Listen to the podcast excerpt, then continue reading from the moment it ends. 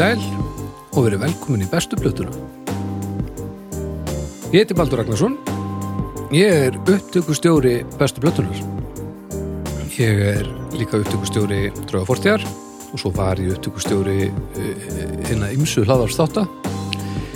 Svo er ég búin að vera eitthvað að- að að svona basla í tónlist í gegnum tíðina og byrja að taka upp svoleiði sitt eitthvað og svo endar þetta náttúrulega bara í, í ruglinum að byrja að taka allt upp stanslust og eftir að enda með því að andi í vorhóla yfir sig og, og halda maður sér merkilegur maður er og, og svo kemur einhver kúka saman klippu þáttur frá ættingum þegar maður rekkur upp af allt og snemma út af ógæfu og, og eftir sittur óljós og óraunhæf minning á YouTube um mann sem aldrei var til. Mm, mitt eh, annars góður uh, hjá mér eru tveir gestir. Uh, hann er annars vegar doktor í tónlistafræðum hann situr hér mér á vinstri hönd og svo er ég með annan hérna. Auglýsinga seni og, og, og snirti menni. Eh, haukur hann situr hérna á, mér á hæri hönd. Komið særir Hæ. Hæ, Hvað segið þið gott þetta? dásamlegt.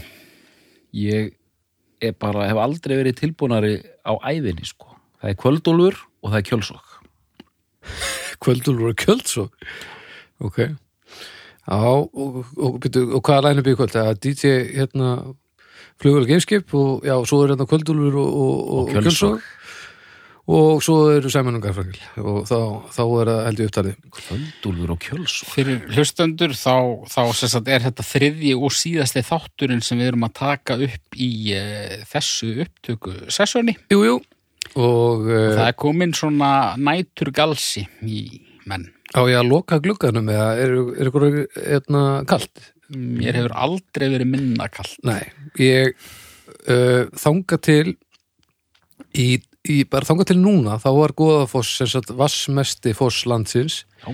en nú er það raskat hjá mér Já, ok. það bara bunar niður svittin alveg það, Sko, ef þið viljið skrýði tunnu og, og láta vaða þá er þetta momentið sko. hárið á þér, Já. sko, Það er geggjað.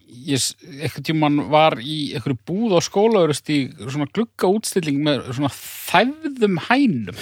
Já, Og það er einhvern veginn, hárið á þér myndi mig aðeins á það. næs svo stendur allt upp í loftið er einhvern veginn bæði sveitt og þurrt og bara út um allt sko. Ég hef ekkert fyrir þessu. Þetta er náttúrulegt. En það er gaman að sjá okkur mm. og eru velkonir í bestu plötuna. Takk, Eh, Það er verkefni sem leikur fyrir. Heldur betur. Um, Það er áhugavert uh, og tekur einhver tíma að ræða þannig að við þurfum nú að fara að koma okkur að, að, að því. En, en áður vil ég bara minnast að hljóðkirkjuna það er hérna draugafortið ég og Flósi, við erum enn vikulega inn á Patreon og, og svo leikurinn þáttur mánaðarlega inn á þessar helstu veitur. En þið skulle endilega kíkja inn á Patreon og ef þið hafið gaman af einhverju svona gömlu dóti sem er búið að gerast og eitthvað, þá erum við, Flossi er vel að sér því og, og hann er svona að segja mér frá þessu gamla. Og, og við, það er auðvitað trúunum þar sem hann er partur af fortíðinni sjálfur. Um, svo er það ég og Snæbjörn, við erum nú í hverju mánuðinni í hljóðfrúsi líka og við byttingum viðtal við tónlistafólk þar og því er streymt eh, live og þið finnið það á internetinu inn á, á Facebooki hljóðfarúsins eh, til dæmis eða á hljóðkirkju Facebookinu að og svo er náttúrulega bara endalust það er örgulega, hvað á ég segja? Ég hugsa að þessi einhver starf á milli 7 og 800 þættir sem við höfum framleitt gegnum tíðina inn á veitunum þannig að þið þurfum ekki að láta ykkur leiðast fyrir eitthvað þið viljið og ef þið viljið það þá þýr ekki að græni mér. Um, Þetta hlusta á þetta aftur sko. Já, það byrja, já, byrja á þetta eitt mennur um, En? Fyrsti hljóðkirkju þátturinn, það er einmitt gaman að segja frá því. Mm. um, það er endar áður en að þetta hétt formulega hljóðkirkjan en það lítur að vera fyrsti dómstagsþátturinn Já, þar sem við buðum góðan dag Mhm. og á bara sömu mínútu eða bara jáfnvel sömu sekundu þá byrjaði einhver yðnaðamaður að bóra í steinvegg Mhm. í sama húsi.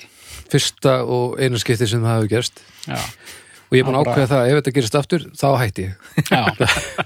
Þannig að ef ykkur leiðist þetta endalusa mas þá þurfum við bara að koma að staði hvernig er í tökum og rífu upp borin. Þetta, er, þetta er einfalt og gott en herri ef að fara að byrja á þessu.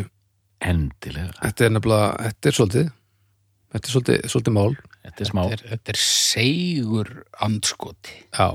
Um, þið ætlaði að ræða bestu plötu stíl í dag Stíli Dan. Þar kom að því. Þar kom það kom að því, voru allir að að býða hvernig er þetta, er, Það var ákveðin hópur að býða. ok. Hvað, hvað er svo hópur stór? Eh, hvað eru margir Íslendingar á aldrinum 13 til 18 ára haldiði? Tjók. um, Þetta er ekki svona Pantera byð Nei. Uh, Það eru einhverju sem munum fagna þessu innilega mm. En þetta er auðvitað bara band og við erum múin að taka svo mikið í þessum þáttum þetta er auðvitað bara band sem er ekki, ekki hægt að taka. Ok, og mjög merkileg hljónsveit fyrir margar sakir. Ok, Og Já, ég bara fagna því að þetta sé komið hérna inn á borð til okkar. Ég þekki þetta lítið. Mm, og hérna svo ég tali út frá mér þetta er svo hljónsveit sko ég þekki hvert einasta lag á þessum plötum sem ég kem hérna með. Ok. aftur og baka áfram út á hlið. Já, hvert einasta trómusla og, og gí- gítarlikju þekki ég ok, og þetta er að aukast sko að þetta er svona gamla kalla tónlist. Ég er fann að hlusta meir og meira. Og hérna Móheður var alveg brjáluð af því að sko ég hlustaði ekkert fyrir þáttin af því ég er alltaf að hlusta á þetta. Já, mennar ég sagði Móheður við erum alltaf að hlusta á stíli Dan hérna, þess vegna hlustaði ekkert fyrir þáttin skiptir einhver máli og hérna og fyrir mér og sérstætt þeir gáf út sjö plötur á svona Imperial Face eða bara svona á þessum ferli sínum gáður út sjö plötur síðan kom út tvær svona þegar þeir hérna, hentu ba- bandinu saman aftur. En þessar sjö plötur það er bara Smiths og, og bítlarnir svona í mínum huga þar sem mér finnst ekki vera eitt veikt lag á neittna af þessum plötum. Ok, plötuna koma út fyrir utan á síðustu ár eftir ár. Já, og þetta er bara eitt rosalegasta rönn sem ég veit um bara í, í, í, í, í tónlistasögunni sko. við erum bara þarna. Hvað segir þú ykkur Þú er, væri gott núna að ringja í Edda já, úr dómstegi já, og fá hann til að, að kommenta á þetta sem dótturum var að segja. já. Hann er hann er uh, hann er með aðeins annað sjónrótnu þú. Já, ok. já, Í meiningunni allt annað sjónarhótt. Já, við svona í Photoshop þá er svona er innvert takkin Já, við getum, ef við myndi vera með hann núna þann takka og ég myndi ítói innvert þá myndi Eddi byrta þessu sófarum um, ok. Hann er svona dæmi um uh, hóp sem að er vissulega til sem að er fólk sem að finnst þetta band vera síðasta sort. Já, já. já, bara mannréttinda brotrinnlega Það er, uh, og það er í rauninni bara uh, dúbibróður sem að sem að eru skrefinu lengra frá þetta. Þá voru það bara upptalið held ég. Mm, sem Arnar uh, saði mér frá um daginn að, að hérna, þessar tvær hljómsýttir hafa dilt meðlimi. já, já, já. já, það er sem sagt einstaklingur sem Eddi hattar það mest í lífinu. Það er magna að segja þetta já, það svona holdgerfingur Edda hattursins hann er útengustöðar er hann á lífi eða er Heyrðu, búinn að drepa hann? Sá maður sem hann hatar mest Já. er Jeff Skunk Baxter, skunkurinn skunkurinn, gítalegari af þeim? og stíliðan. hver, hver að þeim er það? Hann situr hérna með mennsprettið einhvern megin og, og, kúrekastilun upp á borðinu. með, með hann heftalegu mótuna Já, með heftalögu mótuna, heftarmótu. já, þetta, já, ég meina Og þú komst með geggjaðan móla um hann, sko. Ég veit ekki hvort þú vilt koma það núna eða bara þegar að honum kemur, sko. Jeff Skunk Baxter hérna, gítalegari Já. og svona mikil, mikil svona hálfpartin einhver svona gítarhetja í 70s ok, Doobie Brothers og tó- tók hérna gítarsólo með stíletan og svona ok Í dag starfa hann sem sérstakur ráðgjafi bandaríkjastjórnar í sambandi við eldflögavarnir. já, Og er stjórn NASA. er hann í stjórn NASA? Og að sjálfsögðu enga vinnur hérna Jakobs Frímans. Já, ok. Jakob Fríman var einhvern með rosalega sögu á Facebook þar sem hann rakst á Jeff Skunk Baxter í LA og það var, var einhver löng saga var, var, að eldan hann á einhverju þjóðvegi. Nei, þetta segir mér að Jakob Fríman hafi sett langa sögu. Ó já, Ok. Um, Já, þú spurðir mig hvað, mm, hvað, hvað sagður? Hvernig já, hver er þín aðkoma af þessu ótrúlega bandi? Eh, já, þú segir nokkuð sko. Mm. Ég, eh, ég kem bara svona sæmilega reynslu mikill inn í undirbúningina þessum þætti. Já, Ok uh, já, svona þú veist, ekkert verið að taka beint kannski plöturnar uh, skipulega með undantekningum þó. Ég hafði þarna rúlað einhverjum þremur nokkru sinum í gegnum tíðina og svo bara hefur þetta ratað inn á einhverja playlist og ég þekki slatta af þessu já, sko. já Ok. En kannski ekki alveg í plötu saminginu Næ, Þannig að það var bara gaman að fara yfir þetta í bara réttir í röð og, og, og svona finna út hvað er á hvaða plötu og, Já, já, já. og, og svona, mótaður skoðun já. Þetta er eiginlega Ég, á enga stíl danplötu en ég á hins vegar sóloplötu Donald Fagan. Nættflæg Já, hann staðar. Þegar þú segir þetta, þetta er svona bæði ekta svona 70s albumband Já. en það eru slagarar hann líka sko. Já.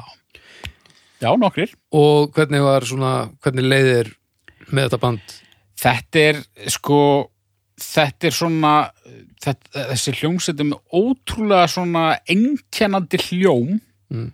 sem að mér finnst hafa fyllt mér bara frá því ég man eftir mér Já.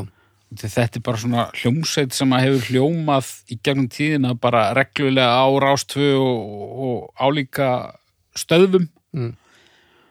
Og þú veist þetta kom alltaf af og til í útarpinu þó ég hafi kannski ekki alltaf vitað hverjir áttu þetta sound. Já, já, þá svona var þetta svolítið eins og að fara í, í hérna gamla góða lopapessu þegar að þetta kom sér allt heim og saman sko. mm skilja en hérna, en jújú jú, svo hérna fyrir einhverju síðan þá svona þá held ég mér svona til hálfs út í þetta.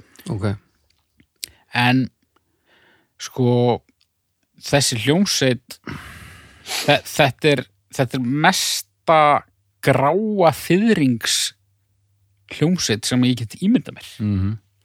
já, grámi gangi sko. Já, já, já, Já. þetta er bara gamall maður á flottum bíl.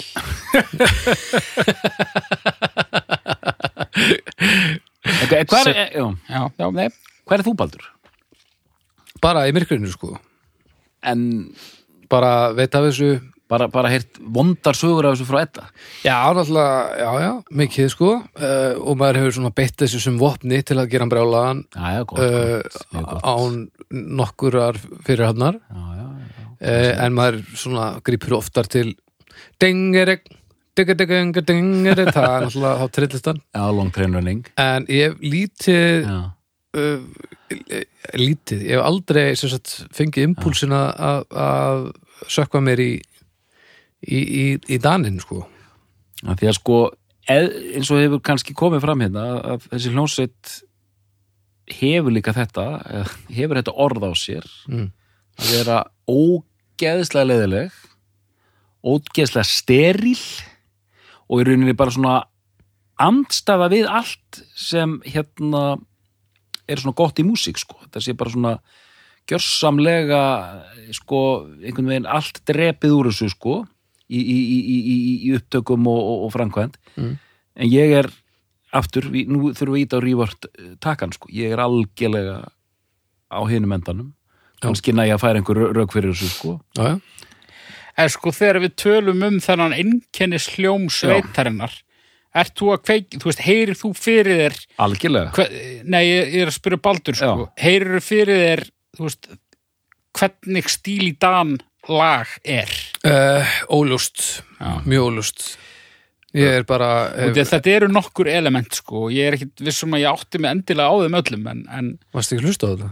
jú, en þú veist ég, ég veit ekki nákvæmlega hva, hvaða element verða að vera til staðar. Já, já, já, til að þetta stílist upp. Já, Já, Þetta er svona líka eh, eitt sem það, sko, það er mér sér hljómur svona flókin hljómur sem er kallaður bara stíl í dan hljómurinn.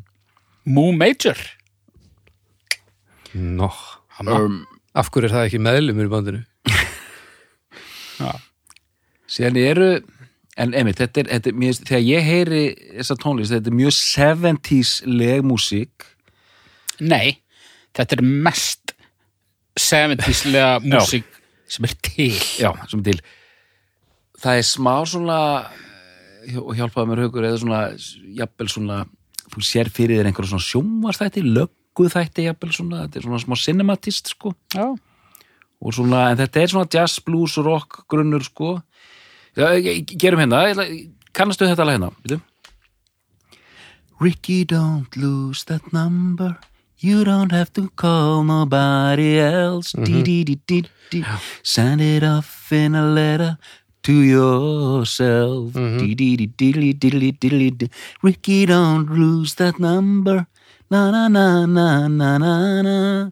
You might lose it if you feel better. Du, du, du, du, du. Já, þetta er, þetta er, uh, þetta er óljóst, óljóst minning en já, ég kannast þetta sko. og sér er þetta lag sem var frækt í genið sjónvarsþátt I'm a fool to do your dirty work no more din, din, din, din. I'm a fool to do your dirty work Hvað þáttur oh það? yeah, var þetta ekki sop, sop, Sopranos? Jó, gott ef ekki Ok, ég tengi þetta meira við auðlýsingu sem ég tók þátt í að gera sem hétt Sorpanos en ég hef aldrei pælt í hvort að þetta lag hafi verið í Sopranos sko. Ég ok. valdi ekki þetta lag sko.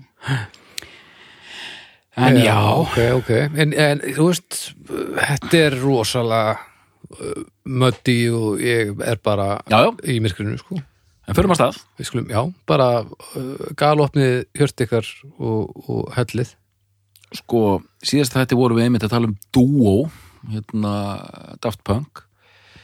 Stílidan er í rauninu Duo tveggja manna uh, Walter Becker gítarleikari og Donald Fagan hérna pínuleikari mm. og Fagan eh, sko mikill svona jazz nörd fekk aldrei samt svona eh, formlega mentun í tónlist en svona kann á píanóið, hlustar á jazz og blues og þeir kynnast félagarnir og hérna 67 í einhverjum uh, framhaldsskóla í New York fylki Ok. og bara hérna verða vinir.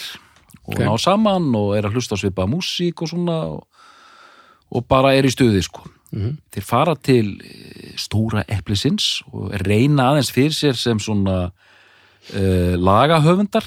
Þú veist, bara inn á skrifstofu og hérna dæl út einhverju dótari Já, já, eitthvað fór inn í einhverja bíómyndir og svona en lítið að gerast þannig að þeir flytja til borg Englana, Los Angeles. Mm það er hefur aðeins verið gert. Mm koma þarna tveir svona New York svona slickers. Kaltæðnir og, og, og hérna kaltæðnir og glúrnir og, og svona sniðugir gaurar. Mm klárir strákar og hérna byrja svona að reyna að setja sama band og sen átt þetta að þróast álitið ég fyrir bara beint í fyrstu plötuna. Já, já, já, að hérna árið 1972 kemur út fyrsta plata sveitarinnar -hmm. sem heitir Can't Buy a Thrill. Uh, og þarna er þetta svona band og þeir reyna að halda þessu úti sem einhvers konar hljóm, hljóm, hljómleikabandi. Mhm. og hérna uh, en þarna er þetta enn á þeim stað að þeir sáu það fyrir sér uh, Fagan og, og hérna Becker að þeir myndi fá bara svona leiguspilara nei, nei, þeir, þeir reyna að búið til band en þeir ætla að fá hinn og þessa til að syngja Já, ok Þannig á hérna hérna þessari fyrstu plötu eru alveg sko þrýr söngvarar minnst að kosti, syngja allir þessu lög já. Are you reeling in the years. Þekkið ekki þessu lögastrákar? No, Jú, jú. Það eru sko þrýr megahittar á þessar blötu. Ég veit ekki hversu stór þetta var á sínu tíma, en það eru þrjú svona gullbylgjulög á þessari blötu. Mhm. Það er fyrsta lagið, Do it again Do It Again, sem er stórfenglegt lag Ótrúlegt lag og þú þekkir það þegar þú heyrir það. Ok. Mjög svona rólegt, hægt, fáránlega flott lag ok, Já. ok Og beint yfir í Dirty Work, sem þú þekkir líka þegar þú heyrir það. Og svo hérna... Uh, Reeling in the years Reeling in the Years sem er svona hérna, sem er svona hressiballalag og Ok. þú þekkir það pot, potið líka sko. ok, Sýnulegu hann er svo Where are you going? Midnight cruiser da da da da da of fortune and fame Já. og sko það er mitt munurinn á því að, að svona á hálfkákinu, svona fíla eitthvað og tekka okkur um best of blötum og eitthvað svona. Já, og svo að taka bara taka þetta bara skipulega. Já. Ég hafði ekki hugmynd um hina söngvarana. Mm. ég held bara að Donald Fagan hefði bara hljómað þessu öðruvísi Já, í byrjun sko. ég skil, ég skil. Sko, En hann syngur uh, allt nema þrjúlög mm hann syngur ekki allavega Dirty Work. Nei, nei, ekki Midnight Cruiser. Já. nei, ég er mitt. Og ekki Brooklyn. Mm -hmm, mm -hmm, mitt, og þú veist, jú hann vissulega hljómar öðruvísi til dæmis í Do It Again heldur en setna, þú veist, hann var ekki komið með svona sína rödd alveg. Mhm. hann var, var hann ekki bara með eitthvað sviðskrekk líka? Já, sko, honum fannst hann og hann er ekkert þannig séð sterkur söngvari og hann Nei. vildi helst ekki gera þetta Ok, en hann varð að gera þetta. Það var bara þannig, sko. Það var, það var skortur á, á, á börkum. Já, það var bara þannig, sko. Ég vil andmæla þessu með að hann sé ekkit sérstaklega sterkur söngvari. Ok, en, en svona röddin hans og söngstílin er ekki allara mm og hérna, ég held að hann hafi átt að segja á því frekar. Ég, þú veist hann er góður söngvari. Finnst mér. Já, já, ég, ég er greinlega bara ég er, ég er bara að taka undir ég er búin að lesa of mikið frá honum sjálfum sko. það tala sér svolítið niður Æ, get ekki neitt. Svona, ná ekki. sko. það tala sér niður. En hann er líka óþólandi söngvari. Er hann? já, Ok, eða, þú veist, hann er með óþólandi element. Já, en mér finnst það skemmtilegt. Doktornum finnst það auðvitað mjög skemmtilegt. Já. Og nógu mörgum finnst það skemmtilegt til þess að hann frontaði þetta band allar göttur síðan eftir þessa plötu er það ekki? Hann, Jú, jú, já. síðan að hann tekur þetta alveg yfir sko. Uh, þessi plata uh, hérna vorum að tala um þetta ég og Haukur sko og ég, og ég hef talað um þetta ég hef verið að hugsa um mér, mér, ég sé ekki mikið mun á þessum plötum þannig en fyrstu plötunar eru aðeins svona hrári og skítugri. Ok, af því að bandið varð síðan þekkt fyrir að vera alveg svona brjálæðislega slikk sko. fáað Já, fáað, nákvæmlega. Þarna er þetta ennþá, það er svona, svona smá skönk fílingur í gangi þarna. Já, þegar þú segir að þú sjáir þú heyrir ekki mikið mun á plötunum ert þú að tala um plötunum bara frá þessari og bara fram að 80 Jú, Já, ég er eiginlega sko, það sem ég er að hugsa kannski er ég veit ekki, sko, mér finnst þetta allt eitt atrið er að mér finnst þetta allt geggjað gott og mér finnst allar plötunar frábærar. Kannski er ég aðalega að tala um á þess að ég veit að lagasmiðarnar mm. uh, en eðlilega það sem mesti munurinn er í sándinu sko. Já. en eins og þessi plata er þetta er mjög vel spilað, vel útsett vel upptekið og allt það. Eða hvað? Já sammála, mér finnst þessi plata mjög skemmtileg og ég átti ekki beint vonaði út af því að fyrstu plötur eru bara oft alls konar sko. Mm. uh, það er bara, þú veist, það er þetta kampavins plast snekkju element sem er ekki hérna. Hérna erum við ennþá bara, þetta er svona pínu sveit og nánast, sko. Já, og, og venjulegra. Já, út af því að það er síðan það sem mér finnst sko um, mér finnst þeir rauninni breytast kannski mest að því leiti að þeir þeir verða líkari sjálfum sér klauvalegt orðalag en, en þú veist hérna þeir, þeir gangast alltaf meira og meira upp í sérkennum sínum og fara Já, að já. nota þau meira og, og bara svona verða sérstakari einhvern veginn. Já, verða bara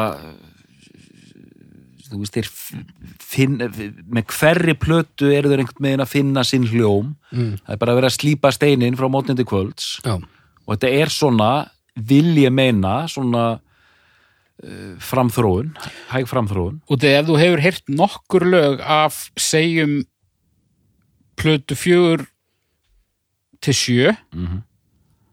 þá getur í rauninni heyrt hvaða lag sem er af þeim plötum og sagt að þetta er stílidan Já. þú hefur aldrei heyrt það áður en Já, ok, þú ert að ég skil. samanskapi ekki að fara að heyra do it again og bara að þetta er stíl, Já, já, já, klassist ég skil. stílidan út af því að þeir eru bara svona aðeins að fóta sig. Já, og eitt sem ég vil he- henda inn í sem ég finnst vanta oft í umræðum stíl í dag, það er svo mikið talað um hvað þetta voru geggjað vel spilað uh, perfektionismin hjá þeim sko, það var leið yfir upptökunum alveg lón og don, mm. voru þekktir fyrir það sko, þú veist, smámunasemi uh, fullkomnunar árátta uh, leiguspilarar hlaðið inn, spiluðu í tvo-þrjá daga og síðan öllu hent og allt þetta sko en það sem gleymist er að þetta er svo vel samin lög Já. þetta er frábær lög þetta eru lögin sem eru aðalmálið sko. ok það er bara, þetta er, svo- þetta er svo geggjað þetta eru geggjað lagasmiðar sko. Hvað erum við að tala um? Hvað eru þeir að gera? Hvernig er músík er þetta? þetta er þetta er svona bara djassað djassað, LA Solskins perrapop. Pop. Pop, já, já. Ég myndi sko, ef við ætlum að velja með jazz rock og jazz pop Já. ég myndi jafnvel segja meira svona jazz pop. Ok, um, jazzað uh, en þetta er svona þetta eru þryggja mínúna ofur melodísk lög, þetta er alveg svona McCartney ismi í lagasmíðum sko. Ok. Þetta er alveg, þetta er, þetta er mörg lagana eru einmitt bara þetta er bara svona melodíu perlur sko. Ok, ok. Og, og ma- margt einmitt vel fallið til útaspilunar Þetta er samt, er þetta langt? Mikið af þessu sko. Þegar fram í sækir þá fer þetta svona aðeins að lengjast sko. Ah, en svo er Bara þetta þessari líka plötu Það eru 6 mínútur Þú þetta já, genið 6 þú þetta mínútur genir, já það er svona Já, það er lengst hérna. Svo er alveg upp undir 5 mínútur nokkur lög. Svo strang, strax á næstu plötu Þar eru bara 5 og 18 Nú, 5 og 47, 02, 5 og hálf 5, 48 Júslas er þetta. Þetta er bara bröðul sko. En svo er líka með þessa hljóðsveit og sérstaklega þegar fram í sækir það er sko uh, flókið sem hljómar einfalt. Já, þú getur tekið sér lög Abba, eller bara Abba tótsið uh, sinnum 800 sko. þú getur tekið sér lög og búið til einhverjar nokkura hljóma útgáfur að þeim og spila þau á kassagítar á English og enginn mun gera aðtöðasend við það. En er það erfitt eða? nei, Nei, það, þá ok, þá er þetta ekki að sama á Abba því að en þú verður að bara finna hljómana hjá Abba sko.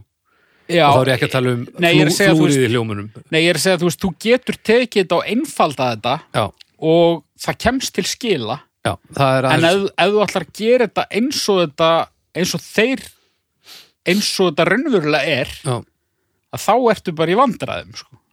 ok.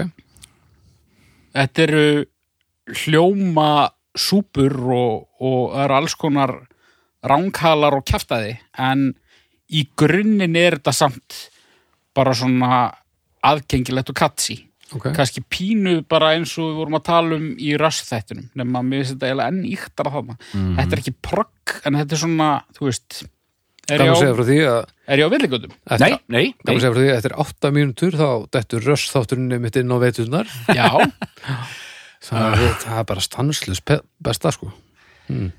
Hérna þetta er allt rétt svo að segja haukur að hérna einmitt, eh, ekki proggað en, en einmitt svona og sérstaklega heyri maður kannski í, í, og sérstaklega fram í sækir sko, bara hljóðfaraleikurinn litlar dúllur svona litlar pínu svona lausnir sem bara í einföldum poplögum sko Mhm. og hérna og ég held að áfram aðeins Jú, sko, það sem ég finnst eh, lýsa þessu bandi best eða svona, það, tengingin sem ég geri er sko bara 1980 og eitthvað þegar það voru plötur auglýstar í dagblöð bara, bara heilsíða frá hérna steinar eða eitthvað. Já, já. bara verið að kynna einhverjar átta plötur sem að voru komnar í veslanir þrjár íslenskar og fimm erlendar. Þá var alltaf ein sem að henni var líst sem vönduð. Mannst það þessu Nei, en, en ég veit hvað það tala um. Ég man sko bara sem pínulítið bann Já. ég las þetta og ég vissi ekki nákvæmlega hvað þetta þýtti vönduð plata. Hmm. og ég skildi ekki sko, ég vissi alveg hvað var að vanda sig. Já, en ég skildi ekki okkur sumar plötur voru kallaðar vandaðar. Já, en það er það er það sem ég hugsa um þegar ég heyri sérstaklega þessar setni tíma stíl danplötur bara vandað. Já, þetta er vandað. Og, hérna, og þetta er einmitt þetta ætti að vera andstætt öllu því sem ég hérna trúi í músík sko Já, ég meina elbó er vandað já, já, já. skilur einmitt og hérna og, en þetta vandað, mér finnst þetta vera þetta var orðalag, var það ekki haukur frá fólki sem var að þú veist, þetta er vandað annað en þetta Sex Pistols sem er rosalega óvandað já, þú veist Já, og, já. og meira, þú veist, þe- þú veist þetta er ekki Katsagugu þetta er Prefab Sprout já, já, þetta er uh, hérna þú veist, er- það er gáfumanna- vandað. gáfumannapoppið. Já. Já, já. alvöru, Sophisticated sophisticated Svona- so, so, svona- so fyrsti pop Þetta er, já, þetta er fáað pop fyrir þá sem vilja hafa lífið í lagi. Fyrir, fyrir, vandláta. Þegar þú ert búin að bóna bílinn þá býður stíli eftir í hátrun allt þetta og Robert Palmer vönduð ný plata. Nýplata og einmitt, um hendin sko snekkjum og arineldum og öllu þessu sko, Já, þetta er svona high life feelingur sko. Mhm. sko Uh, fyrsta plata kemur út 72, næsta kemur strax út 73 og ég einmitt, það, þetta er eins og ég sé að tala um börni mín, ég elska allar þessar plötur. Þessi er sko hún er, það er, það er eitthvað svona hraða element mér finnst- mér finnst öllu geggjuð en hvað segir þú Haukur? ég bara, ég datt út. Þetta, þú útkomni í plötu 2 Já, já, þessi. Herru, ég hlustaði minnst á þessa. Út af því að mér fannst þú bara hún greipi minnst. Og, og þá er ég að tala um þessa sjö. Mm, þessa fyrstu sjö, sko. Já, já. Ég, ég hlusta á hana en, en ég staldra ekkit við hana sko. hún er frábær en hún er einhvern megin það er, það er, það er svona tilfinningin að henni hafi verið Eh, já en, eh, þú veist þetta bandu þetta getur ekki skotið út plötu það er ekkert hrátt við þessa plötu en svona hún er eh, hún er svona ekkert oft nefnd sem, ég, ég ætlaði að segja það, hún er aldrei nefnd. Nei, þú veist, þa þessa sjö það eru eiginlega allar einhvern tíma nefndar sko.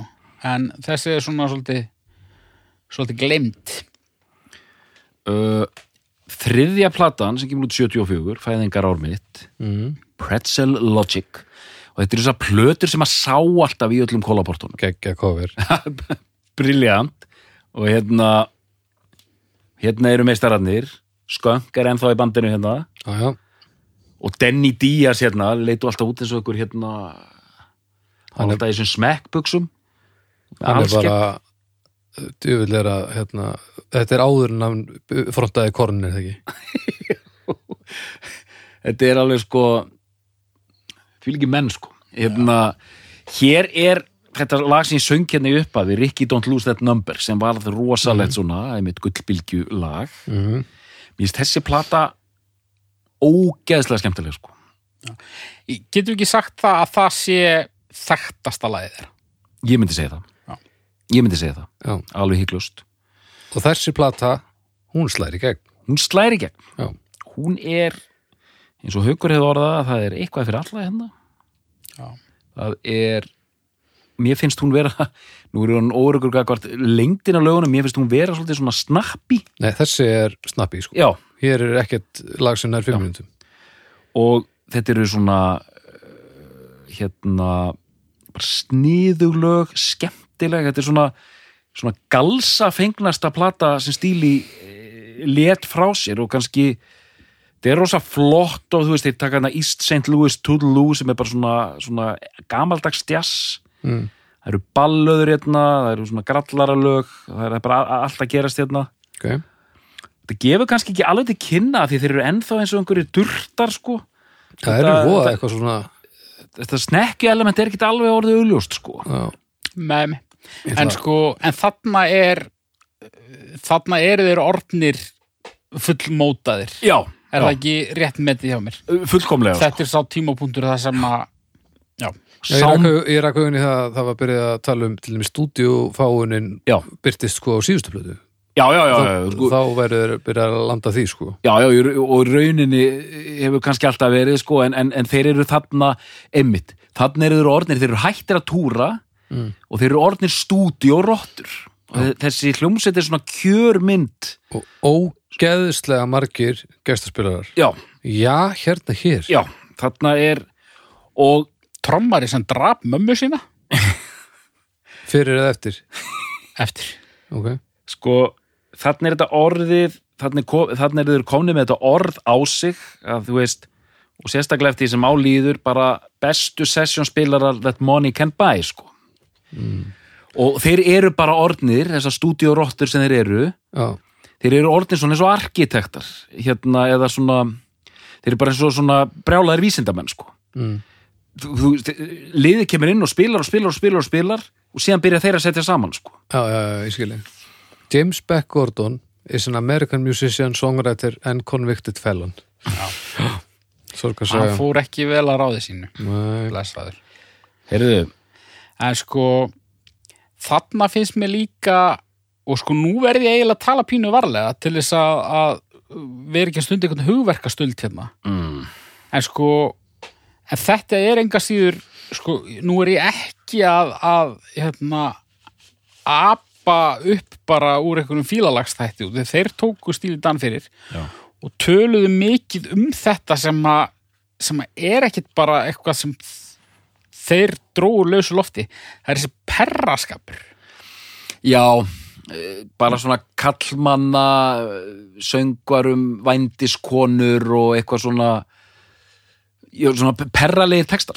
Já og líka bara svona perralegt væp yfir öllu. Bara svona eitthvað svona í Já, svona svona hástjettar hérna gna, gnækta líf og, Já, og, já. og siðleysi sko. já, já er það þeim að það svolítið? það er ekki þema en það eru hughrifin sem að hlustandin verður fyrir þú veist, Ok, hérna maður sko með örfáum undantekningum og mér langar að setja þig Já. þar sko, þá er maður sem að eh, nefnir stíl í dan sem sína upp á alls hljómsveit Mm. honum er ekki treystandi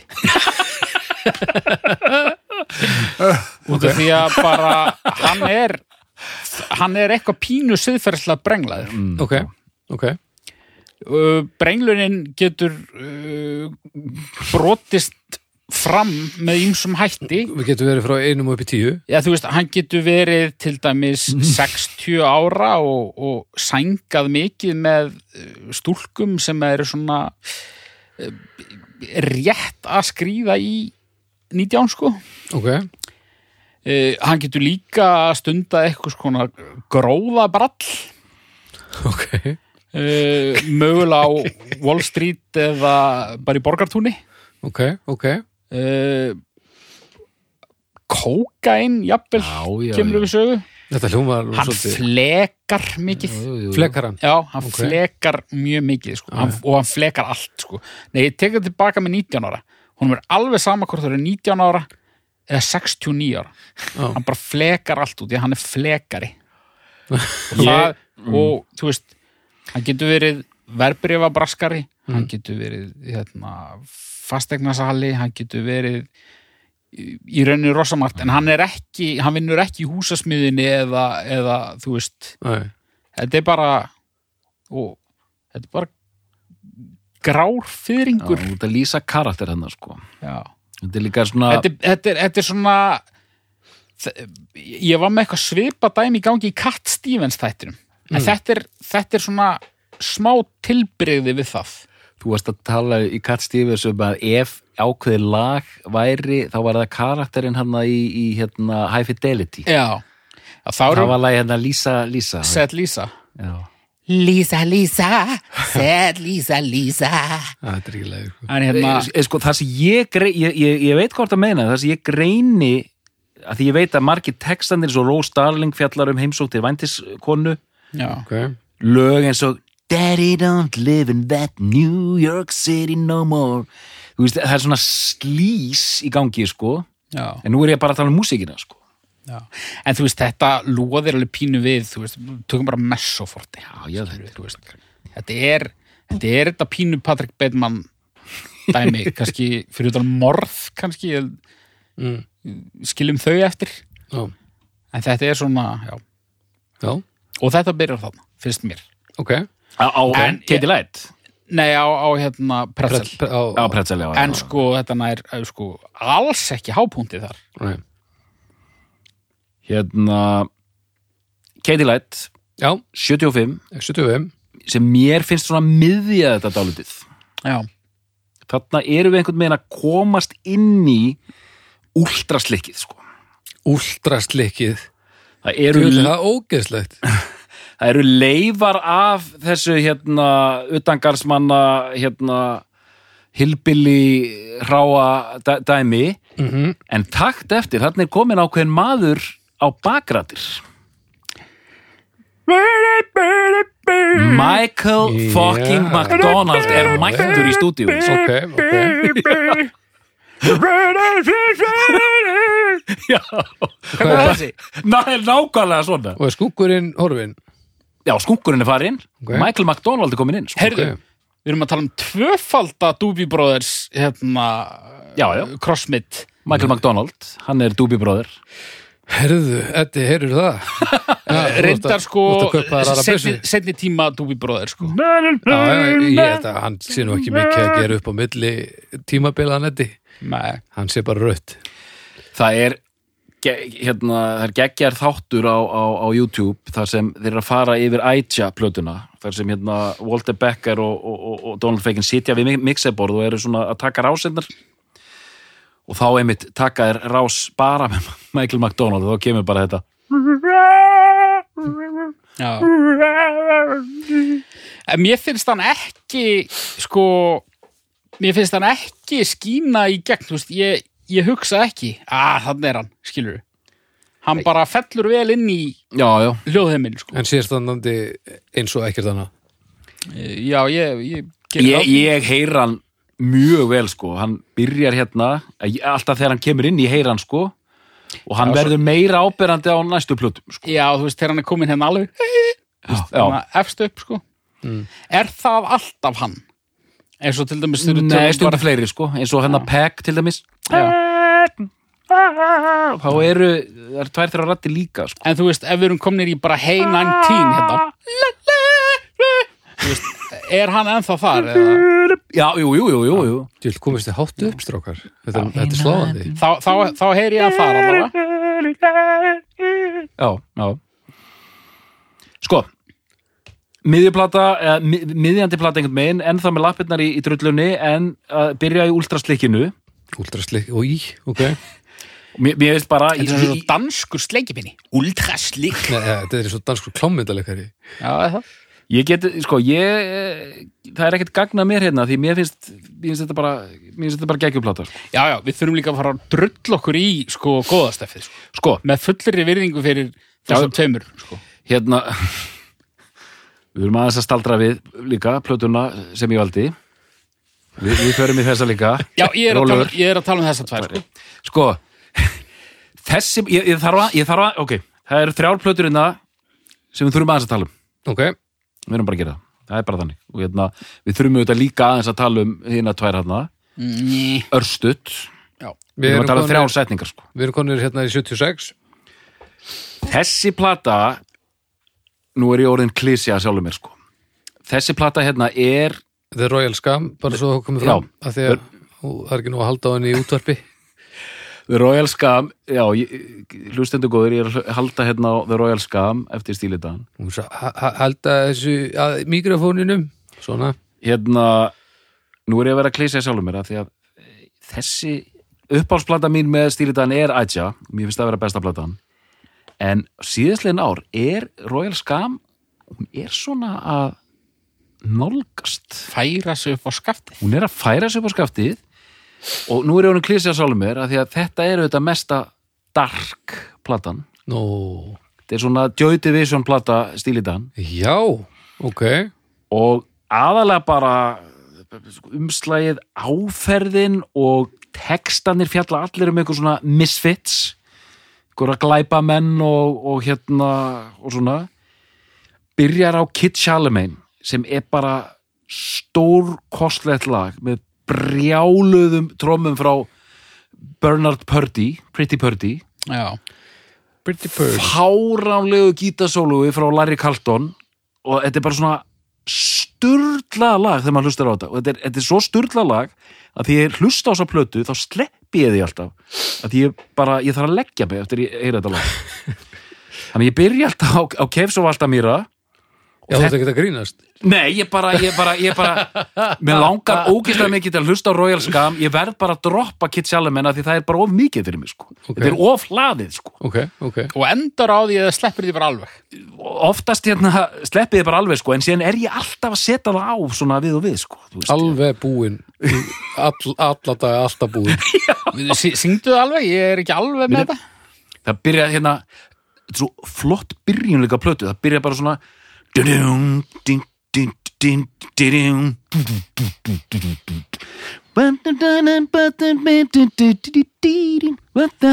dun. La la la la you're the apron of the wall. Da da da da da da da. da. Okay. On the wall, careful what you carry, cause you realize you are an outlaw in their eyes. It ain't all, it ain't all Kid Charlemagne. It ain't all Kid Charlemagne. Do, do, do, do, do, do, do, do, do, do, do, do, do. Sagður, Manstu? E, já, svona sagður Apron of the. World Já, you were the apron of the world. Var, hérna- Varstu brefþurka heimsins? Já, þetta er svona, Er ekki svunda? Jú, svunda já, svunda heimsins. Varstu svund Þú varst svunda heimsins En sko, textarnir hans feikan, þeir eru alveg sérkapitúli, sko. Ég, hérna, ég er með þessa texta blindu, sko, en maður heyri bara svona eitthvað buzzword, sko, og hann er ofta á mjög skrýtnum slóðum Já, já, í textagerð. með oft geggjar línur, sko, ein línan er svona They have a winner, nei They have a name for the winners of the world I want a name when I lose mm. Nú ekki að setja mikla pressa svona sig myndi ég segja og þarna Any world that I'm welcome to is better than the world I come from Já. Þetta er nú oft svona já, svona Er þetta allt svona anstæður? Nei, eh, oft líka Nei. bara eitthvað svona Hann er svolítið í því að mála myndir Já, talandi rós. Já, og stundum er hann bara að segja eitthvað kjaftaði bara, þú veist, hérna, eitthvað bull. Já. Maður að dansa á götu horni uh, grætur kona áleið til vinnu og segir bara eitthvað svona random Já. hluti skilur Já, og, og aftur pirrandi element sko. Út af því að pirrandi elementið sem ég skil já, en samþykki mm, hef sæst við já. það er allt frá honum komið. Mm, já, já, já, já. Já, já, já. Hann er pirrandi breytan í hérna, stíli Dan. Er hann Ok. gerpi? Ég veit það ekki, en hann er líka sko ómissandi. Miklu meira ómissandi en nokkuð tíman Becker sko. Er hann ómissandi gerpi? já, Það er verst. Hann, Það er óþúlandi, það er mest óþúlandi þegar að maður getur ekki verið án einhvers sem er óþúlandi já. Og sko, þú veist nú ætla ég að tala varlega en samt ekki. Þetta er nú hvorki staðinu stund ég, ég, ég, ég þekki Egil Ólafsson til dæmis ekki persónulega. Nei. og ég hef enga ástæðu til annars en að trúa því að hann sé vandaður maður. En svona 80s Egil Ólafsson hann gefur mér þetta sama væp flekarinn. Vandað sérstaklega hann var hlaupað hérna í, í frakkanum hérna upp og niður stegan í myndbandi hérna af, tefa tefa ég hef ekki séð það en ég trúi þér. Tefa Tefa er rosalega plata. Tefa tefa, það er er eitthvað vídeo það sem Egil Lólasson mættir í frakka er að hlaupa upp og niður stega sko. Hmm. En ég meina Egil Ólafsson, hann er með þessi element sko sem eru ótrúlega einkennandi fyrir hann. Skrítin, skemmtileg en maður skilur það svo fullkomlega þegar einhverjum finnst það óþólandi Er það, fylg, fylgja mér hérna Já, ég er alveg með sko ég er alveg með um, eitt sem við þurfum líka að nefna hérna Mm. af því að þetta er oft talað um þetta sem kalt og, og gelt band og þú veist svona stúdíu og róttur og fullkomnun mm. þetta grúfar alveg geðveikislega Já, já, og ég ætla bara að vísa þess á bug sko, þessari mýtu Já. um e e eitthvað sterilt kjaftaði sko. Það er kannski þarna á gátsjó smá en það er líka hlýja sko. Já, veist, já, það er, þú veist við erum að tala um hérna, þú veist, svona þetta þurra 70s herbergis trommusándið sem verður síðan alltaf svona meira slik Mm. það er alltaf svona það, það, það eru sér kontrastar það er þetta svona þú veist, þeir fóru bara nánast að vinna með sömpl á einhverjum tímapunkti Ok, en svo er alltaf þessi undirliggjandi djass svona uh, flæðandum allt sko sem að kemur með er svona svo, svo þursaflokkurinn þróast sko. þeir voru farin að vinna mjög svona anal undir restina sko. Já, ég meina þursaflokkurinn, það er mjög gott dæmi út af því að það er hérna, þú veist, þegar hann er þarna í Rokki Reykjavík, sko, maður veit ekki hvað hann er að gera. En það er samt geðvegt já, já, geggjað. Ógeðslega 80s og eitthvað stingandi. En hann er samt, hann, hann er að grúfa alveg eins og ég veit ekki hvað sko. um, Já, því nú er maður hérna orðin pínur ringlaður en höldum áfram. Já, Sko, þessi plata hér, Eitja, uh, 77 uh, Ég stilli henni fram sem bestu plötu stíli dagan Ok. og hún er mjög oft í því sæti Já. þannig að ég er hérna Dúti Leifupúl Ok. uh, Þessi plata er, ég hef aldrei heyrt plötu sem er jafn svona fullkomin það er bara það er allt einhvern veginn trommurnar og allt þetta er bara einhvern veginn full, ég á ekki til að náða fullkomið en ótrúlega flott lög hvað sagður, milt, hlýtt? Já, og bara svona umfaðmandi nett progg nánast í gangi fyrsta lagi Black Cow er alveg svona, svona epíst lag einhvern megin. Deacon Blues er líka alveg epíst Aitja líka. Uh, hlið 2 er léttari. Uh, hérna Dulla Soul sömpluðu hérna lagið Pegg alveg í drastl ok. Það var hann frækt mál svona réttarmál þar sem uh, Dulla Sól þurfti að standa, standa fyrir málu sinnu þeir sömpluðu pegg alveg í, í miljón sko. Hvernig fór það?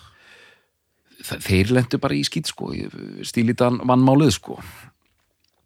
Og pegg þar fer nú vi- vinur okkar, Michael McDonald á kostum, baklötum já, og bara þarna er þetta bandorði bara, þetta stúdíóskrimsli og bara allt stórgóðslegt og núna kemur í fyrsta skipti gat, þetta er einu svona ári þá kemur síðasta plata stílitan kemur út árið 1980 þremur árum eftir Aitja og nú gef ég vini mínum hauki orðið eru þetta fannst mér nú heldur snautlega afgræðsla á bestu plötunni að þínu mati Já, þú talaður ég- um hann í svona 80 sekundur Já, ég var að flýta mér. Ég, hérna, ég geti auðvitað að tala um hana til, til hérna, morguns. Hvað vil ég gera? Og ég tala um hana meira á eftir eða núna? Í, bara núna aðeins sko. takt, taktu, takt hann aðeins, við þurfum, eitthvað, við þurfum að vita hvernig líður hjartaðinu Sko, það er þetta... Þetta er svo plata, allar þessar plötur eru keiftar í kólaportunum fyrir slikk. Þetta er svo plata sem ég var búin að heyra að væri besta plata stíli Dan þannig að ég lá yfir henni. Og þetta var síðasta bandi sem ég tók daldi inn í hjartað. Ég var 25 ára orðin hérna á síðasta ári í háskólan ok, og þá tók ég svona stíl í Dan æði. Og keifti þetta allt saman hlustaði á þetta lón og dón og þetta er svona svo plata sem ég bara svona bara, já, þetta er rétt þetta er algjörlega sturla dæmi. Og einhvers konar apex á þessu sem er búið að vera að gerast. Þetta er búið að vera svona hækkun, hækkun, hækkun, hækkun. Og þannig komið á bara einhverjum svona hérna á einhvern topp sko og þú veist, eins og ég lísti bara spilamennskan fáranlega góð lögin fáranlega góð það einhvern veginn allt gengur upp. Og það er einmitt heimildamind á YouTube um plötuna. Bara fyrir PEG þá voru með þrjú gítasóló sem voru að hérna, velja úr. Allir brjálaðir hérna, leiguspilararnir, sessjónspilararnir Mm. að þú veist, þeir að mæta hann og spila og sem er ekkert notað. Já, já, uh, Chuck Rainey gít, hérna bassaleikari spilaði bassan í PEG og hann slappaði bassan sko. Og hann sagði þeir bönnuðu mér að slappa. Þannig að hann sat í svona stól eins og þú situr í baldur svona snúningsstól og hann sagði ég var í stúdíónu og ég sneri mér við af því ég vissi að það væri best að slappa lagið sko. Já, en þeir vildi ekki slappið. Þannig að hann svona snýri sér við og laumaðist til að slappa hérna PEG sko já, og alls svona, svona, svona þarna byrja allar þessar sögur sögur um að hérna þeir hafi blásið á hérna sleðana til að ná aðeins meira og eitthvað svona sko. Það fullkomnunar áráttu sögur allar sko. Se- já, komið út fyrir uh, hluti sem gera nokkuð. Já, einmitt, einmitt, einmitt. Og bara eh, 36 klukkutímar í að ná einu snerilsándi og bara whatever sko. Já, og svona, en þetta er og líka, þetta leið á hálsi þetta er um leið, ég er búin að lýsa plötun svona, en þe- um, fyrir marga er þetta svona tákn, svona the end of music, sko, að, að þetta sé of Já. þú veist, of slikk, of þetta og of hitt, sko já. en, en, en, en, en, en, en rúllum okkur í, í Mér langar að segja örfá orðum Já, um hérna, Asia eða hvernig sem, sem að Asia. ber þetta fram sko. mm út af því að sko, ég vel gátsjú -hmm. uh, ég held að það svona það var mjóra á munum þegar upp var staðið heldur en ég held í upphafi Mm. út af því að veist, þetta er einu önnur eða, þetta er af þeim þremur plötum sem ég hafði hlustað á Pretzel, þessi og Gaucho það var Gaucho svona platar sem ég hef komið ítrekað af ok, og svona þótt þessi svona ekki svona alveg fatta hvað hva væri svona mikil snilt sko. En í þessari yfirferð þá eiginlega komst ég á það að sko mér finnst eiginlega hlutfallið svona góðulega hlutfallið vera betra þarna Mm. en en sko það eru lög á Gaucho góðu lögin þar finnst mér rústa þessum sko. mm um, minnst eitt lag á þessari plötu leiðinlegt og það er titilagið. Já, ætja. Já. Daldið þungt, já, en það er svo stutt. Það er bara 7,5 mínúta. 7.57 já. en þú veist Black Cow, Deacon Blues og Peg öll frábær og þessi þrjú síðustu góð. Uh, en mér finnst Peg samt svona mér finnst það eiginlega valla eiga heima á þessari plötu. Og það er, Þessari, líka, já, það er líka kannski aðeins að íta henni hinni ofar sko. Pekk hefði verið meiri svona pretzel lag nei, mér, Peg hefði átt að vera á Gaucho sko. Mm. mér, mér finnst Peg vera svona gluggi inn í hérna inn í smiðishöggið sko. Þetta eru góða greiningar hérna sko. já, það er verið að leggja smá vinni í þetta greinlega Já, þetta er rakalegt sko. uh, Það hefði verið að fara á dýftina hérna sko. já, þú veist eða ég- með frábælegari uh, en já, Já, Gaucho ok, þér finnst að Pekk hefði átt að fara yfir á Gaucho, ok. Já, mér finnst það einhvern veginn hérna ég veit kannski ekki með lagasmíðalega séð en bara svona sándið og fílingurinn og ok. Og eitthvað. Ég held þú allar að setja það á pretzela þegar það væri svona galsi í því. Nei. Pretzel, nú erum við farinir að flega lögum heilig til land En gátt svo Þar erum við sko Þannig ég vitni nú í þáttinn sem að er að renna í loftið í þessum tölu orðum röst þátturinn Þetta er svona Power Windows platan sko. Þarna þarna ganga þeir bara fram af manni í bara dellunni mm en það einhvern veginn gerir bara plötuna sko. Ég er mitt sko, ég ætla bara að henda þið núna að einu sem við verðum að tala við átna matt um stílidan og við vorum einhvern veginn komnir á það að þarna hefðu þeir einmitt farið við strikið. Já, ég skil það sjónamið 100% og það hefði verið bara orðið of mikið, bara komnir yfir línuna. En og út af því þá hlustaði ég aldrei á hana út af því, bara svona af, afskrifaði hana. Varstu svona forfúll á móti? Já, Já, afskrifaði hana bara, bara ok, ætla þá ætla ég ekki að gefa, gefa mig tími í þetta. En ég er algjörlega búin að breyta um skoða núna. Mér finnst þessi plata stórkostleg. Já. gjössamlega sko. Hún er það. Og sko Babylon Sisters uh, við getum alveg tekið þetta svona einhver lag fyrir lag sko það er náttúrulega bara, bara hægasti útvarpsingull allra tíma. Það er bara einmitt, lötur hægt. Du, dum du, dum já, og þannig ertu komið með sko hérna eitthvað stereotypískustu bakrættasöngunur bara That Money Can Buy. Er rosalegt Babylon Sisters Shake it og hann So young, someone Tell me what you're na-na Brian Ferry er bara eins og sko, er bara eins og utangarsmaður hérna við liðin á sig sko. já já, bara eins og Alec Empire sko.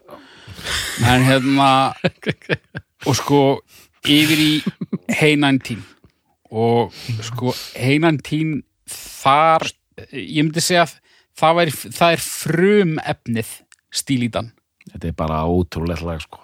Bara ef, gott. ef það kemur gemvera og veit ekkert hvað stílítan er. Heina en tím Hey 19, það er stílítan Það er Donaldin alveg í góðan gýr já. Það er geðveikt lag. Þekkir þetta lagbaldur nei,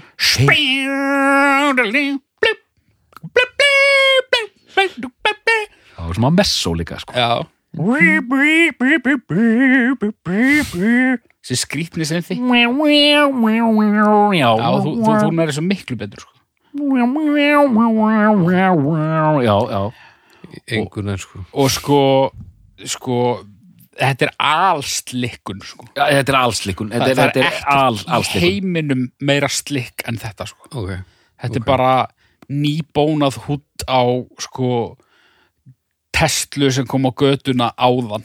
Og sem kemur þetta perraskapurinn Hey 19 Já. Já, já, já.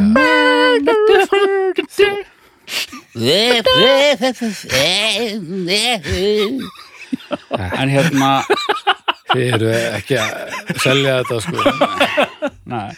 En sko Ég sá fyrir mér vídeoði, það er einmitt einhverja, það er svona Maður í frakka það er svona möppet að syngja lagið og er að keira Tesluna nema að möppetið er bara titlingur, Þetta lag er titlingur. Er það ekki? Jú. Hljómar þannig sko. Og sko þetta er svona þetta er, þetta er svona mig langar að segja þessi headphone plata bara í samhengi nútímans. En, auð, já, en auðvitað er þetta ekkit headphone plata þetta er plata sem þú hlustar á í sko glænýjum pioneer uh, hljómflutningsgræjum úr radiobúðinni. Bang Olsen Já, Bango Ólufsen og bara svona hátalara turnar sem að sko kostuðu þrenn mánaðalaun það eru auðvitað kjör aðstæður fyrir þetta lag. En, en út af því að við erum í þessum nútíma þá, þá segja headphone lag sko.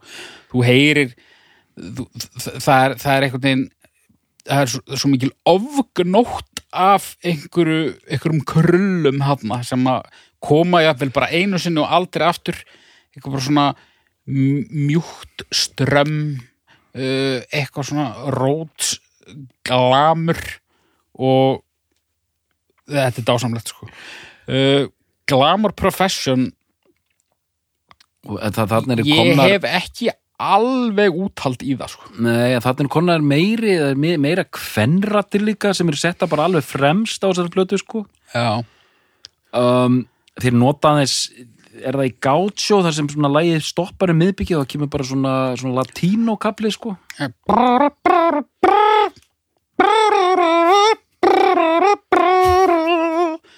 Það er sko það er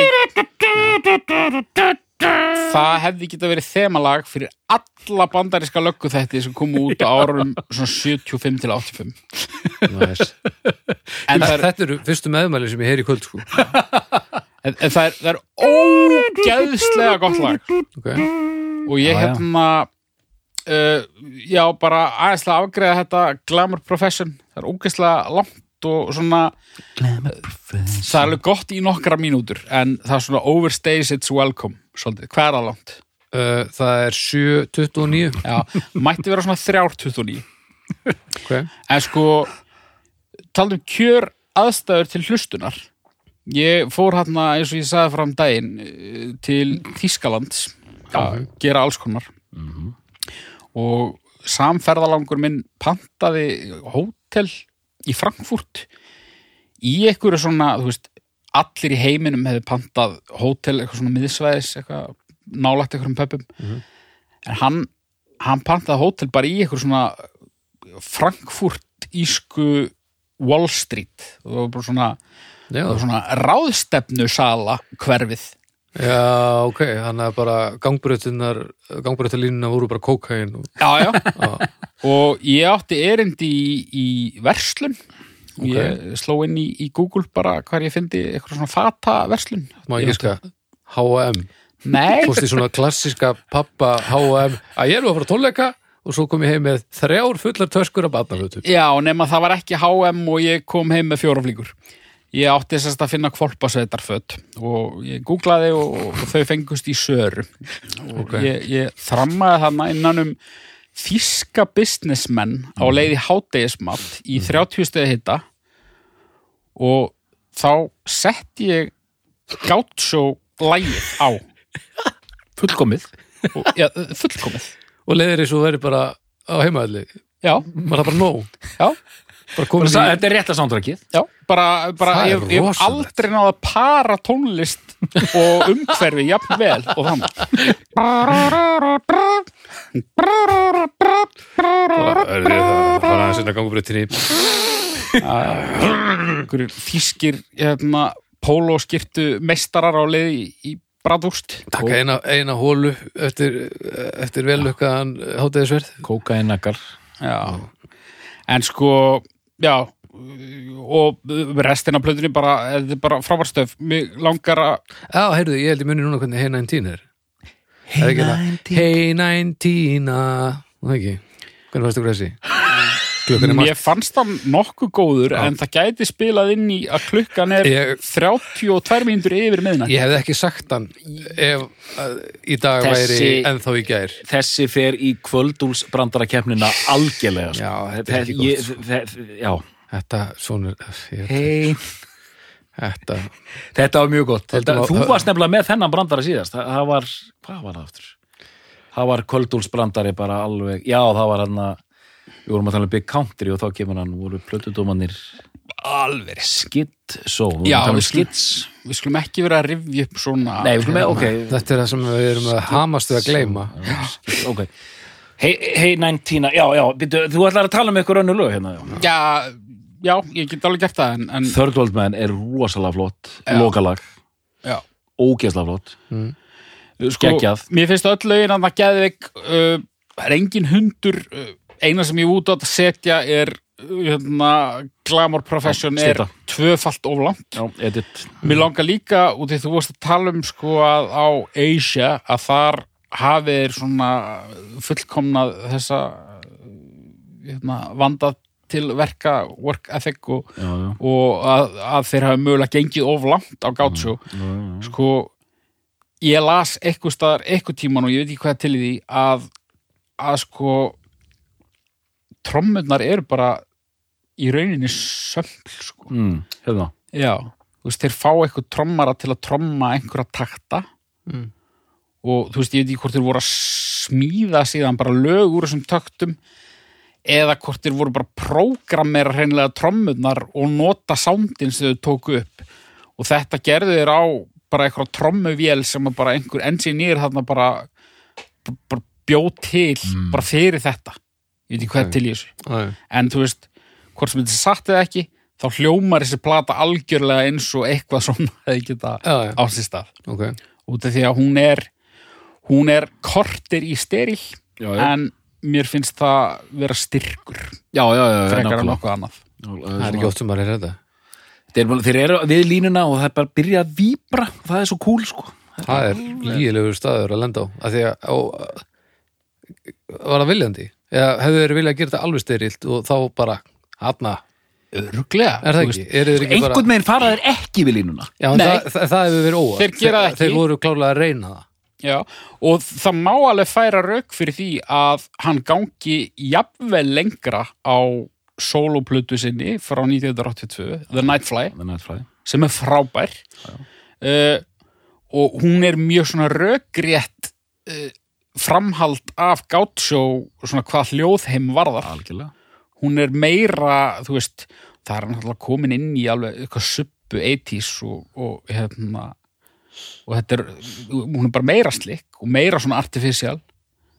En það er eitthvað neginn samt, það alveg bara gengur upp sko. Og líka maður, eh, ef maður er komin inn eins og mér heyrist þú að vera sko, þá getur maður þú, þú ert bara, þú ert búin að kaupa þennan heim sko. Já, segja En sko, hérna, uh, Við getum líka að fara í samt í þenni skemmtilegan leik uh, með þessa plötu uh, hver uh, hver spilaði á hvað? Hver trommaði þessa plötu? á gátsjó Já, ég Gaucho. veit, ég veit ekkert uh, uh, Steve Gadd Já, þetta er brellu spurning, það voru þrýr trommarar ok, þannig, að, Steve Gadd já. er Uh, hver, hver, hver var með slagverkið? Þetta er brellu spurning, það voru fjórir með slagverkið mm.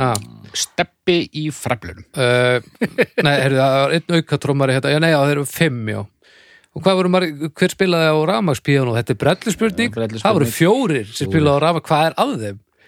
Akkur, hver, heyrðu, hver spilaði á klarinett? Þetta er brellu spurning, þeir eru fucking tveir já, spáði í þetta og þú veist, Þetta er ekki lægi, sko og síðan bara, þú veist, þeir eru bara með síðan eru- eru bara með miljón rásir og síðan er bara púslað sko. Nei, hvað? Bara einn á, á básunu, djús auðmingir en sko Bara einn flugilhórleikari þetta sem þú segir sko, þú veist, þeir eru búin að kaupa hann heim þá er bara svona skæsla limit sko. Og þetta rýmar í rauninni ágætlega við eins og bara þennan Wall Street siðblinda heim sko. Mm. bara Jordan Belfort þegar hann var að blása kókaini upp í raskatið á mellu Mm í Wolf of Wall Street myndinni -hmm. hjá eðlilegu fólki hefði það verið lágpunktur Mhm. algjör, algjör botn en þú getur alltaf lagst lægra Mm -hmm. og, og þetta er svona hinn endin á því sko. þú, þú, þú getur alltaf gengið lengra ef þú ert búin að samþykja þennan heim. Þetta var, þetta var gull. Þetta var rosalegt maður. Við erum að þakka kvöldólunum fyrir þetta. Þetta var stórgóðslegt en þetta gerist ekki. Og vitið okkur, ég veit það? Þú veist, þetta gerist ekki sem var sínt í myndinni. Af Já. því að uh, Nei, hvernig veist þú það? af því að Jordan Belfort sagði mér það. Það er við það? Ég spurði hann. Ég var píndur til að taka eitthvað síma viðtal við hann og ég spurði hann aðeins Ha, býtu Í alvörinni? já, þegar Wolf of Wall Street kom út þá, Tókst ekki bara viðtalið við Vítor Belfort og nei, þú veist, hann kom hann kom eitthvað til Ísland sem eitthvað fyrirlestur sem er eitthvað algjörð flopp. Já, og hérna, ég var að taka síma við hann. Ok. Ég var eitthvað geðveikt stressaður. Fyrir fréttablaðið? Já, og hérna það er eitthvað staffadjam niðri þetta var í hérna, skaftaliðinni. Það er eitthvað staffadjam ég bara ekki, ég er ekki að handla þetta, ég er að fara niður hella í með tveimur bjórum. Ég hef tíu mínútur, hann ringir eftir tíu mínútur. Þú veist, hann átt að ringi mig. Ég sturti í með tveimur bjórum. Og það var eina leiðin til að ég gæti tekið þetta viðtal. Hey Mr. Belfort, did you blow cocaine ups hookah's ass? Nei, en svo, sko, þegar ég síðan út því ég náttúrulega ímyndaði mig bara eins og hann var í myndinni, skilur, bara Leonardo DiCaprio bara, þú veist, eitthvað þannig típa, sko. Þessi er náttúrulega stressaður. En sko svo, svo þegar hann er komin á línuna þá fattaði það að ég hefði ekki þurft að gera þetta vegna þess að hann er með svona rödd. Nei, Jú, er þetta bara einhver uh, Wall Street njóli? þetta er bara einhver eh, eitthvað nörd sko. Það er rosalegt að heyra Þannig að þú varst komin í svona hérna valdastöðu bara strax. Ég myndi segja það. Bjóran er alveg hjálpuðu. Já, já, já, já, já, já. Það er bara, no, I do not recall this but uh, I'm pretty sure that I snorted cocaine of somebody's butt. Já. Það, þetta, þetta, já, ok. Herri, já, ég ætla, uh, ok, ég ætla að pakka þessu saman að hérna, En við þurfum, ég vil spyrja ykkur út því þess að tvær síðustu. Já, ég ætla, ég ætla að fara yfir, sko, örstutt, Ok. einmitt og tvær síðustu, Ok. sem sagt, eftir Já, þá hættir hljónstin. Já. uh, ég vona það allavega voru þeir það ekki að standa sig í, í stikkinu Nei, þeir voru bara með, hvað, fjóra flúgal, nei, flúgalhórn. Nei, eitt flugulhórn spilara sko, þetta er fáránlegt Nei, en sko að því að kemur svona 20 mínuna uh, gap Já, sko, 20 20 mínúta gap ára er ekki ég- klukkan er orðin 20 ára, það er meira hérna, Shit, hvað klukkan er orðin sko, eh, Donald Fagan hleður í soloplötu 82 sem heitir The Nightfly og hún er vel virt og, og, og seldist vel og allir sáttir. mm -hmm. tveir stórir hittarar Ok, What a beautiful world it would be sko alltaf. What a glorious time to be free uh, Hérna og hann gefur líka út soloplötu 93 eða mann er rétt, eitthvað svo liðis ég hef ekki hirt hana. Kamakiriat, góð. Mjög flott. Ok. Mjög flott, en allt í bara í stíli stuði, sko. Já, allt sterilt stíl í stuð. Allt stí, sterilt, stí, sterilt stíli grúfandi stuð. Já. uh, Becker fer í heroinnið Ok, uh, flæk maður þarf að gera eitthvað í pásunni. Gera eitthvað í pásunni, flækist um í heroinni kall greið, Ah, býr á ok. Hawaii. Já, uh, Ok, mm, árið 2000 hann nær að hrista sér heroinni hann hérna uh, Becker. Ok. Bandinu smala saman aftur þeir tveir og bara einhverju nýju spilarar það kemur út hljóðversplata árið 2000 sem heitir Two Against Nature þeir voru þeir komu saman fyrir það ekki, þeir voru Jú. búin að vera að túra bara. já, já, voru að spila, einmitt bara spila tónleikum sem þeir höfðu aldrei gert þannig séð byrjaði það ekki bara 92 já, já, já. Leið, sko. uh, eða svona seint held ég í næntísinu allavega tvær uh, tvær nýjar uh, hljóðursplötur Two Against Nature 2000 og Everything Must Go 2003 og þetta er eins og við höfum talað um hérna svona fanservice plötur. Þetta eru stíli dan lög með stíli dan hljóm. Ok, og mér finnst þessa plötu bara svona allt í lagi bara fínt. Þetta er bara svona flott, Já, þetta, þetta, þetta er flott, bara flott. Þetta flott. er ekkert svona sem að í taugarnar á þeir og skemmi eh, gamla arfleið eitthvað, er þetta bara Nei, þetta er bara bara gamlir menna skemmta sér sko. já, já, það er engin skömm að þessu, þetta er allt vel gert en þú veist, bætir einhver við. Ok. Ég las, ég las eitthvað, eitthvað pitchfork dómum hann að fyrri endurkomu blöðuna Já, voru þeir, voru þeir vondir. Þetta fokkin óþólandi þeir eru svona pitchfork Já. pittlingar fara að reyna að vera sniðir. Sniðir og, eigða helli grein í bara, að dissa stíli já, nei, bara tala um eitthvað allt annað bara, "Ö, ég er úkslega góðu penni. Ö, ö, ö." og bara þessi plata hérna, fær 1,3 eitthvað. Bara þú veist, umulegt en, en þessi plata er fín. Og þetta er flott. Fyrsta lagi á fyrirblöður heitir Gaslighting Abbey. Mm -hmm.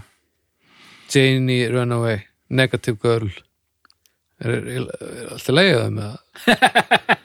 Alveg ábyggileg. Þú veist, þetta er svona ótrúlega cynical gaurar. Að Já. alltaf, sko. Og svona, þú veist svona low level þunglindisjúklingur feikan alveg pottet, sko. Mm. en uh, feiken hendir í fleiri sólaplötur uh, og allar bara veist, bara alltaf í þessum stíl, stíli hljóm. Ok, uh, síðan Deyr Becker fyrir svona þremur, fjórum árum síðan. Og hérna og Feikan er enn að halda úti einhvers konar túrandi stíl í Unity hann er fyrir fimm árum. Já.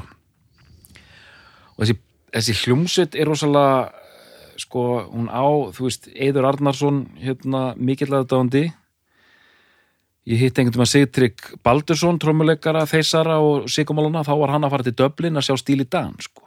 Já, já, þannig að svona, að þessi kynslu svona já.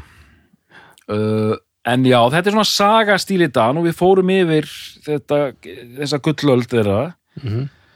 margt komið í ljós, ég veit ekki hvað við getum sagt meira, maður er líka orðin svo sturlaður á þreytu allt í einu að maður fer hann að bulla bara, sko. já, Fagan er enn hann er eini skráði uh, núverandi meðlumur bandsins Já. hann er enn að brasa segiru hann er Mhm. 74 sko. Já, þannig að þetta, já, það er það er, uh, hvað er að segja það er svona segla aðeins segla, já, já, já, hann, hann hérna vinnusamur, hann var alltaf að stríða Becker, að Becker væri svo latur, sko. mm. bara what do you like to do Donald work and what does Becker like to do he, he likes to hang sagðan um, um vinsinn sko. Sko nú hef ég aldrei séð neinn viðtöl við þá Mm. eða lesið neinn viðtöl við þá Nei, nei. í rauninni eina bara sem ég hef er bara ljósmyndir Já, já. af þeim. Uh, þeir virka svolítið eins og svona tveir mjög ólíkir karakterar já, er það rétt? já, já og nei sko. Veist, eitthvað svona, eitthvað svona skítur hippi já, og yfir eitthvað svona svona nýaldardrjóla já sko það sem þeir áttu sameiglegt var nördismin sko. Já, en ekki, þú veist, alls ekki eins og svart og hvít sko, þeir svona voru þeir tengdu á ákveðin hátt og voru svona recluse nördar einhvern megin sko, það var tengingin sko. Já, en eins og þetta hann verður hann alveg tindur í einhverju heroinni, hann bekkar á meðan feikan er bara alltaf að vinna sko. Já, gerir þessar soloplötur sínar og ok Kamakiri, þetta er alveg æð, æðislega sko en þessar nýri soloplötur þá er ég bara búin að fara að missa þetta er bara svona einhver tíu lög sem hljóma öll, öll eins einhvern megin sko. En þú tekkar alltaf á þeim? Já, já, já, já, já, já, já, svona skimaði þetta allt saman sko. Já. heyri, mm. nú ætla ég að fara að kalla á uppgjör. Haukur uh, ég ætla að byrja þér. Sko, ég hef ekki alveg tími í það, en mér þætti mjög forvitnilegt ef við höfum tíma að segja bara, Nóttin ung maður segja bara tökum bara tvo, þrjá tíma í viðbót og sjáum bara hversu djúpum skurðið við lendum ofan í bara varandi sveppgalsa og og bara fyr, furðulega heit sko. ég held að þetta væri rétta bandið fyrir þá tilraun sko. já, að við tölum hérna til svona fjögur, fimm já, bara eitthvað sko. Mm. um, en nei, mér finnst það ókvæslega skemmtilegt uh, eins og ég hef uh, innbrað á þá á ég mjög auðvelt með að skilja hvers vegna þetta er sömum ekki að skapi Mm. og þetta er svona það má túlka þessa tónlist þannig að hún sé að tala eilítið niður til þín hún er svona Mm á einhverju svona intellektual leveli sem að sem að þú ert ekki á. Já, en e, ég held að þeir hafa aldrei hugsað það þannig út af því þetta er bara ok, þetta er bara poptónlist en hún er bara framreitt á, á, á þennan máta. Ok, ok. Uh, ég ég er gátt svo megin bara út af því að ég er þegar það hendar þá er ég mjög hrifin af öfgum. Uh, þetta er til dæmis öfugt við svona eitthvað fyrir alla valið sem ég hef stundum endað í. Akkurat, akkurat. Uh, en sko dásanlega hljósett uh, og áttu þessi fyrri tímaverk aldrei senseður pretzel hefði komist næst í en hins vegar eins og ég sagði áðan þá var ég miklu hrifnari af fyrstu plötunni en ég átti von á sko. Þannig að, en þú veist þá eru þeir kannski svona meira bara svona venjulegt 70s eitthvað sko. En nei, ekki raunverulegan sen sko. Bara út af því að eh, ég held að ég sé alveg pínu svona siðlaus þegar kemur að svona sándi og, og, og, og slikkeri já, já, ert alveg seðlu sko. Já. Þannig, já, Gaucho uh, bara Eddi, ef þú ert að hlusta þá bara, hérna áttu lofskilið. Fyrir hugrekki og, og, og úthald. Þetta var tilenga þér. En þú hefur rámt fyrir þér. En það eru, það eru enga líkur á að að hlusta. Nei, ekki sens Eh, enga líkur á að hann hafi nokkuð tíma að hlusta á podcast. Mm, já, hann, Þá- hlustar, hann hlustar stundum á bestu blöðuna ah, það er eina sem hann hlustar á ok hann har aldrei já, já. en þetta er sannlega kannski síðasti bestu blöðu þátturinn sem mann mun hlusta á sennilega Uh, doktor, ég bara geðir orðið sko. Dóttor? mér er svo briljant sko að í í umtalum gátsjó hafi sko orðið alslikkun komið fyrir Últraslikkunin já, ú- já ultraslikkun og, Ógeðslegt. og, og, og, og hérna og, og kókain og rass. Ég bara elska þetta sko. Hérna ég elska þetta. Hérna, Þú já, veist að það er ekkert mál fyrir mig að klippa þetta til og, og búa til eitthvað hörmuleg. Kókaðin og rass.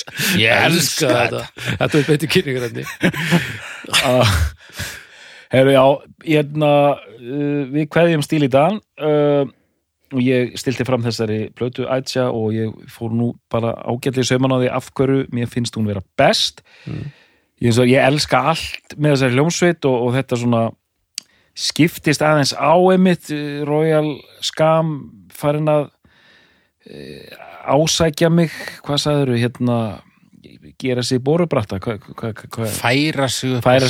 Færa sig upp á skaftið Gátsjó get ég hlustað á endalust uh, og fyrsta platan er líka alveg æðisleg og ég gerði líka gerði líka smá tricks. Þetta er síðasta sagan sem ég ætla að segja og síðan getur hætti svo að hérna, við vorum alltaf að hlusta á þessa plötu út í Skotlandi þannig til Móhuður sagði ekki meira Arnar, ég get ekki hlusta meira á Gátsjó það gerði ég svona smá tricks og ég sagði ok, ok, ég skal setja eitthvað annað og því að hún, hún var svona að því hún fílar þetta mjög vel sko. Mm. og segja bara, sett eitthvað annað við erum búin að hlusta á mikið á það. Ég sagði ok, ok. Gerði ég pínu tricks og þú veist, það var engin músík fór bara, ég fór bara að gera eitthvað. Og lætti henni síðan aftur á sko, plutunni sko. Og platan byrjaði sko. Og móhauður sko, bara svona aðeins að fatta það var hún aftur svona komin í geggjað grúf sko. Og síðan bara, ah, fuck, Arnars Þetta er það gera mér þetta sko? Og Þannig að þú þá flekaður hana. Ég flekað hana Töfra Töfra stíl í dag Það er bara enginn sem getur staðist þetta sko. Nei, Þetta er, þetta er rosalega Þú, þú þarft að fleka mig fyrir hérna, myndskreitinguna fyrir hennar þátt sko. Það er einu stöðunni. Ég, ef, ef að myndin verður ekki hann að taka kókain og raskutunum þér þá verður miður mín. Já, ég, ég, bara svo það komið fram. Þetta voru mjög góð lokaður ég, ég flekað hana sko. En, já, og ætja bara besta blata stíl í dag og bara takk fyrir mig, þetta er búið að vera dásamlegt að spjallum þess að dásamlega hljónsveit og, og syngja gítara og syntha og alla græður aðalega lúðra og já, lúðra hérna og, já.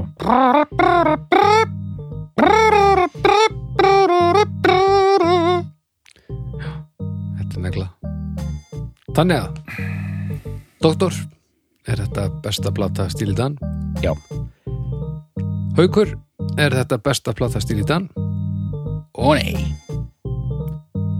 Við þakkum fyrir í dag og við heyrumst að viku liðinni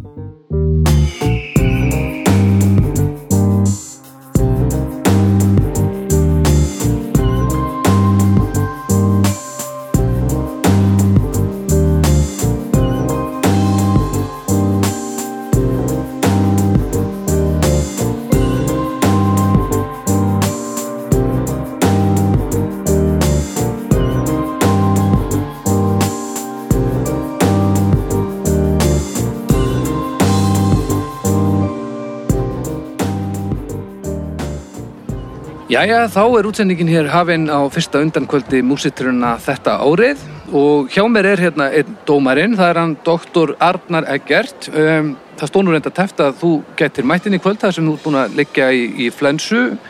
Eh, en mér skilst að, að þú sért nú með eitthvað trikk sem þú notar vennilega. Það er eitthvað kombo sem þú notar til að ná úr þér slenunu. Uh, getur þú kannski sagt okkur, hva, hvað er trikkið? Hvaða kombo er þetta? Já, sko, kókain og rass, ég bara elska þetta, sko.